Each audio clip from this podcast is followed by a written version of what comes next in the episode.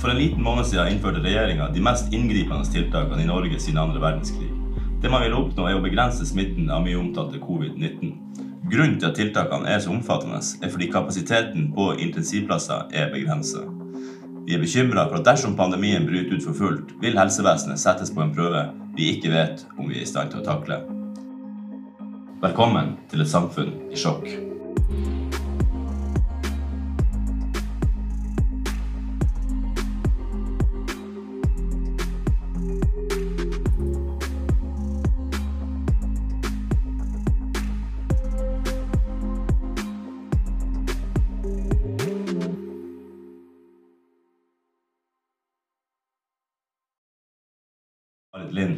Hvordan vil du beskrive situasjonen og hverdagen oppe på bunnen i øyeblikket? Ja, det er hektisk aktivitet, er vel det første jeg må si. Og eh, mange personer er tatt ut av sine ordinære jobber og har fokus på å legge gode planer og forberede oss på håndtering av covid-19-pasienter. Fra mandag 6. april så annonserer helseminister Bent Høie at han, har- man har fått kontroll over epidemien, i alle fall foreløpig. Det har vært mye snakk om det Reproduksjonstallet, altså hvor mange hver smitta person smitter videre. Det har sunket fra 2,5 til 0,7. Såpass få som 14 000 av oss nordmenn skal være smitta nå, estimerer FHI. Og det er jo vesentlig mindre enn først frykta. Men om vi løser opp på tiltak, eh, så er det sånn at en smitta person kan eh, videreføre viruset Hvis de viderefører viruset til 1,15 nye, så er det faktisk ny fare for kollaps i helsevesenet, mener FHI. Frykter dere italienske tilstander på UNN, og eventuelt UNN rusta for det? Allerede den helga 7. og 8. mars så begynte mange av våre fagfolk å få direkte meldinger fra kollegaer i i Nord-Italia om eh, situasjonen der. Eh, Og da tok vi grep og begynte å planlegge allerede på det tidspunktet for økt intensivkapasitet. Så har det jo etterpå kommet bestillinger fra helseministeren via Helse Nord RHF at vi skal eh, planlegge for verstefallsscenario på intensivkapasitet. Så der har vi gode planer, og vi har eh, rigga oss bra. Arealmessig, utstyrsmessig, det som er utfordringa, er jo å skaffe nok bemanning til det her. Intensivsykepleiere er jo som kjent mangelvare fra før av. Så det vi må basere oss på, det er jo at mange mange flere av de som jobber andre steder i sykehuset, må få krasjkursopplæring og forberede seg på å måtte gå på intensiv og jobbe hvis det blir sånne tilstander. Så vi, vi jobber intensivt med å skolere enda flere, omdisponere folk. Vi er ikke i mål ennå, men eh, vi har planer for å håndtere det. Men vi håper inderlig ikke vi kommer, kommer dit. Det vært mye snakk om de her respiratorene. Kan du forklare, forklare oss hva en respirator er, og si kort hvordan tilgangen er er på de her på? Ja, en respirator er jo sånn på folkemunne beskrevet som en pustemaskin. Så de som blir ordentlig syke av covid-19-smitte, de får jo problemer med lungene. Eh, og de sliter med å få nok oksygen. Og respiratoren tilfører jo oksygen og luft. eh, Sånn at det som lungene gjør under normale omstendigheter, er det da en maskin som bidrar til. det. Og eh, vi har godt med utstyr og respiratorer, men som sagt så krever det spesialopplært bemanning for å håndtere de her. Så det hadde ikke hjulpet oss om vi fikk aldri så mange. Vi må, vi må lære, lære opp flere til å bruke dem. Så okay. Gunnar Wilhelmsen, du har vært ordfører i Tromsø kommune et halvt år og har, kommer rett fra næringslivet, har ingen politisk erfaring fra før. Det stormer rundt kommunens økonomi, og sykehjemssaken på Kvaløya er dere det første som skjer på divakt. Deretter får Norge det første påviste tilfellet av covid-19 her 26.2. Hvilke tanker går gjennom hodet ditt den, den kvelden du får den beskjeden? Nei, altså jeg vil heller begynne med det du sier eh, om Kvaløysletta og sykehjem. Det første som skjedde, faktisk, det var jo den tragiske hendelsen på Fagereng, som vi sto i noen uker. Og så kom det jo da vedtaket på budsjett og sånne ting, med, som består både av oppvekst og utdanning og det er helse og omsorg på budsjettsida. Og det har jo en historie om at det var nødvendig, og mest sannsynlig så er ikke det noe. Og så kom det her. Og hva tenkte du da? Nei, altså det som, det som er å si, det er jo at vi faktisk hadde en falsk alarm 14 dager før. Så vi var ikke helt blanke da dette starta. Og når det da starta, så hadde vi rigga oss et krisestab og tenkte hvordan vi skulle gjøre.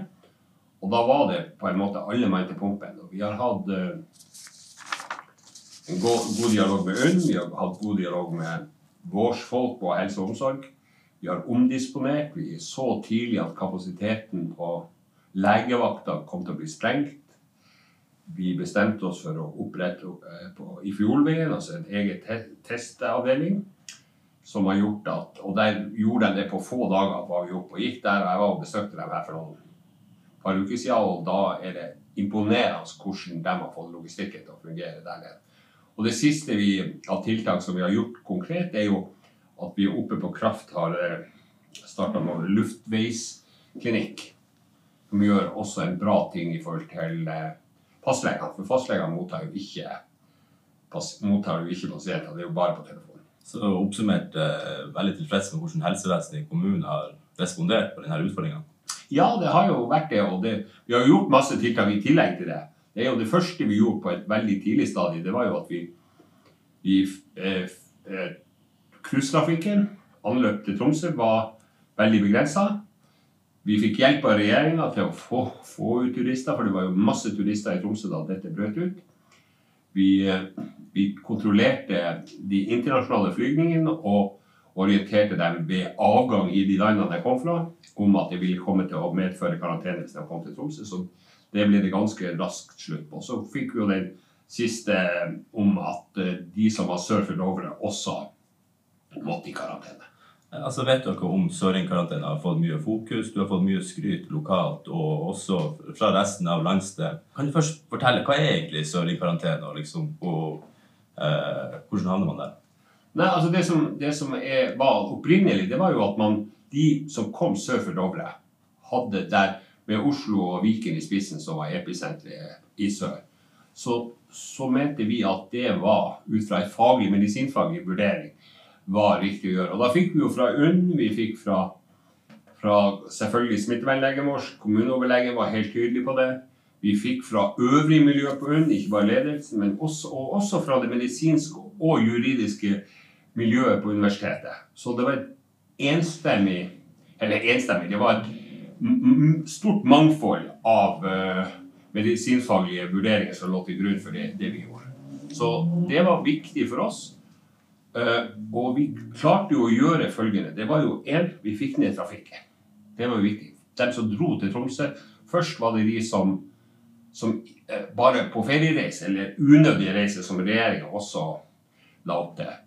Og så fikk vi etter hvert fikk vi, mindre trafikk fra de som som kom fra Oslo, som smitt, kunne være smittebærere.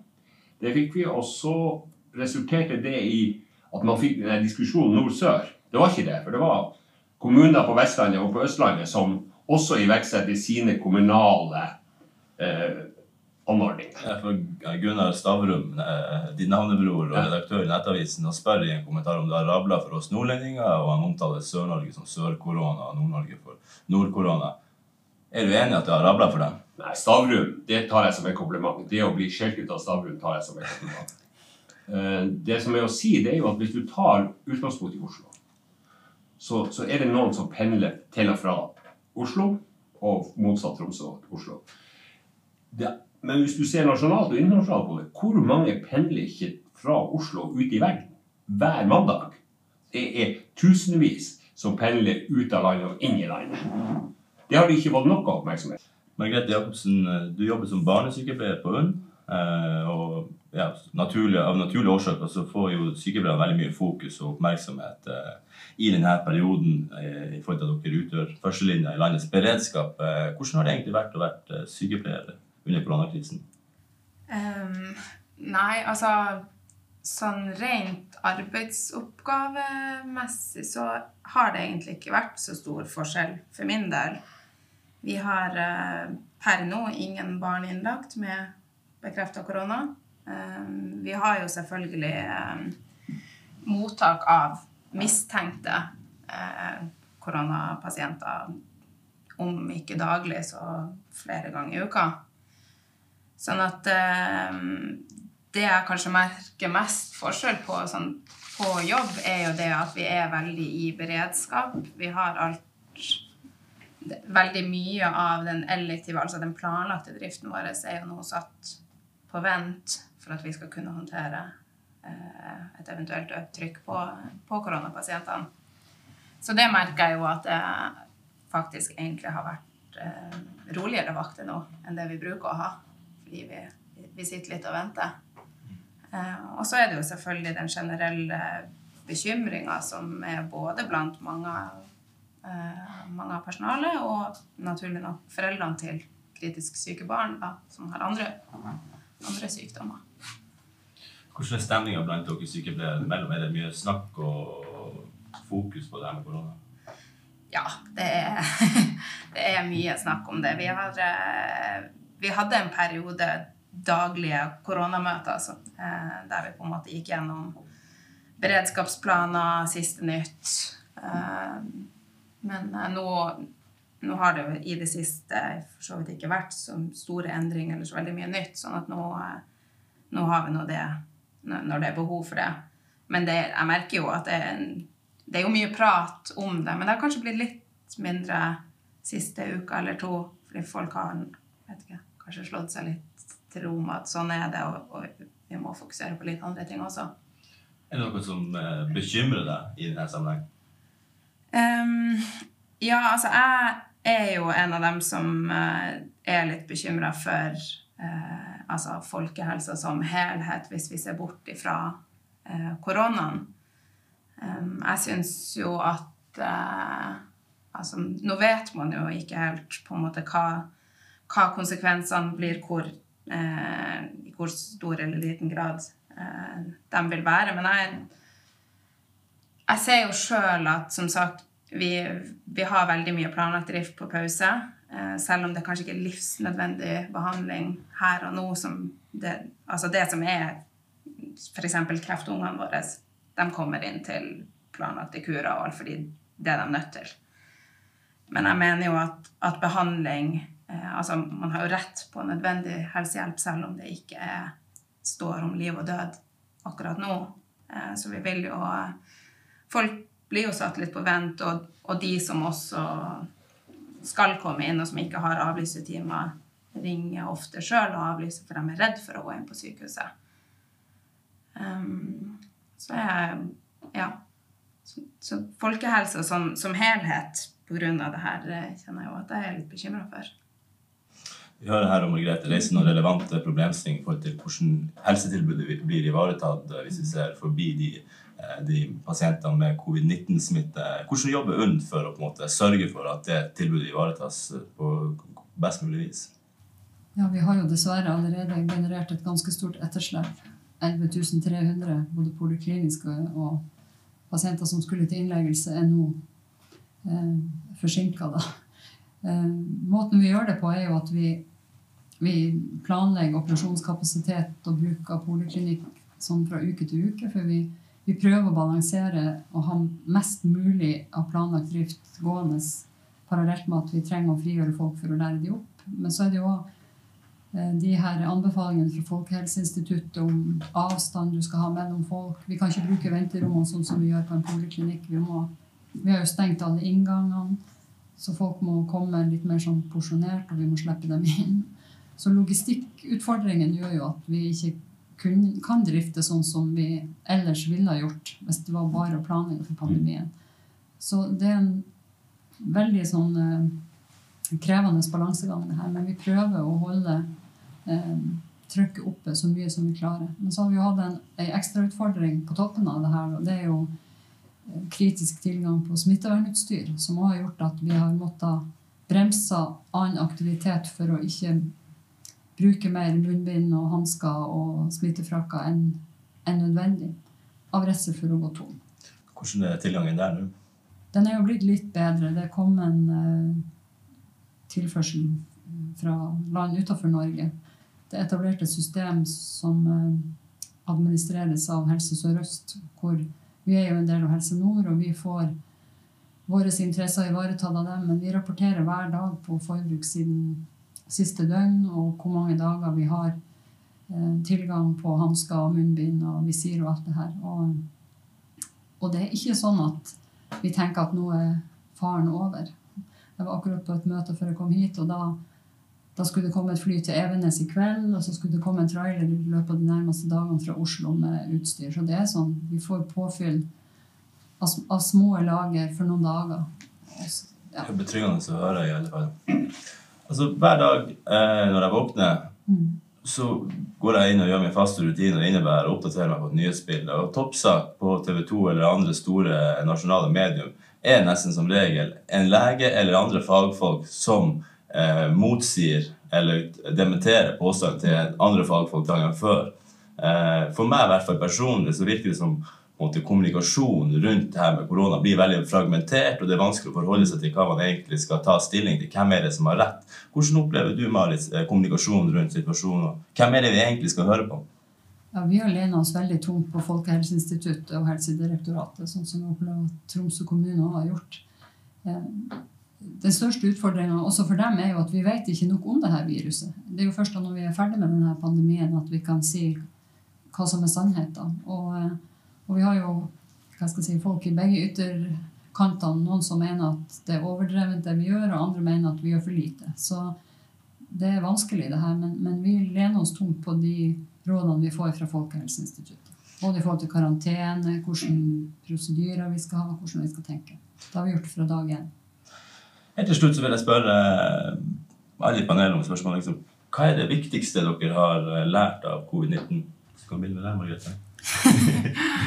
Ja, nei, jeg syns det er litt vanskelig å, kanskje svare hva jeg syns er viktigst av det som jeg personlig har lært, men jeg, jeg tror i hvert fall at eh, altså det norske folk og samfunnet som helhet har lært litt mer eh, om viktigheten av Altså deg hjemme hvis du er syk, eh, oppretthold god hygiene.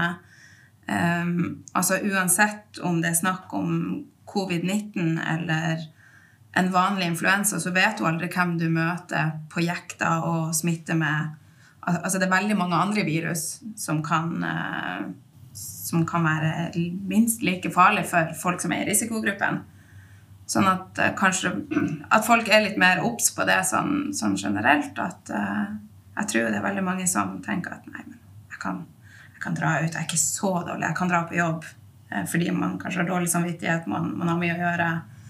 Men at eh, ja, det er ikke bare covid som er farlig, men virus generelt kan være det.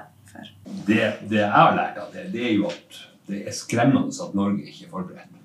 Jeg syns det er skremmende at vi sitter og, snakker om at vi ikke har smitt, smittevernutstyr. Altså, jeg syns det er helt utrolig. Og når vi vet at det kan komme pandemier, altså det at vi ikke har det, at vi ikke har beredskapsplaner som er Og det kommer også eh, å se på etter, når dette er ferdig, hvordan krisehåndtering skal gjøres. Altså Det stiller jeg spørsmål. Så ser vi til Finland. Hvis ikke, som du sier, at vi vet ikke for etterpå hvem som har rett. Men liksom Finland er forberedt herfra til evighet med lager og alt er, er, er, beretter hva det måtte være. Og så sitter vi her og ikke har munnbind.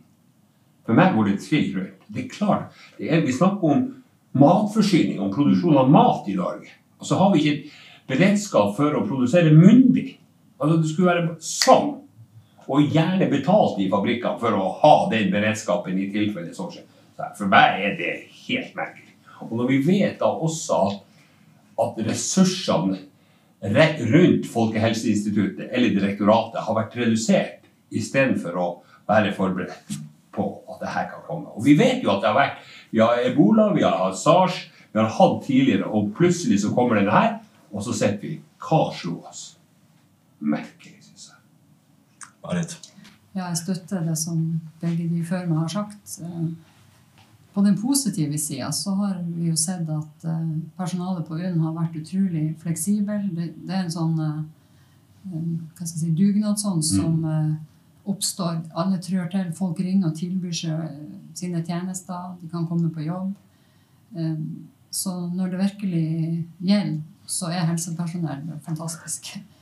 Så det er noe på den positive sida. Men ellers er jeg jo veldig enig i det her med lager og sånn at vi har f.eks.